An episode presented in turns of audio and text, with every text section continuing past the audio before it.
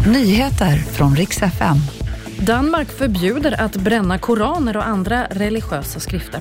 Så ska det handla om golfspelare som slår för långt. Nu måste alla golfbollar bytas ut.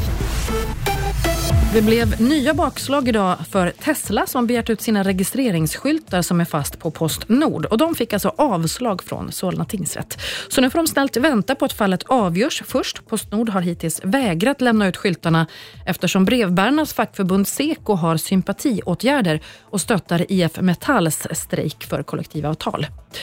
Danmark förbjuder offentlig bränning av Koranen och andra religiösa skrifter. Det beslutade Folketinget idag och det antogs en lagändring efter mer än tre timmars debatt. 97 ledamöter röstade för och 77 emot. Och det här ska alltså börja gälla redan om sju dagar.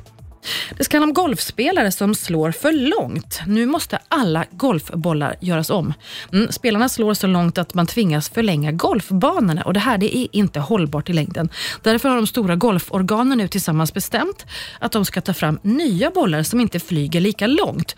Från 2028 ska alltså alla golfbollar bytas ut för proffs och från 2023 då ska det även gälla för hobbygolfare, skriver BBC. Och det var nyheterna. Jag heter Maria Granström.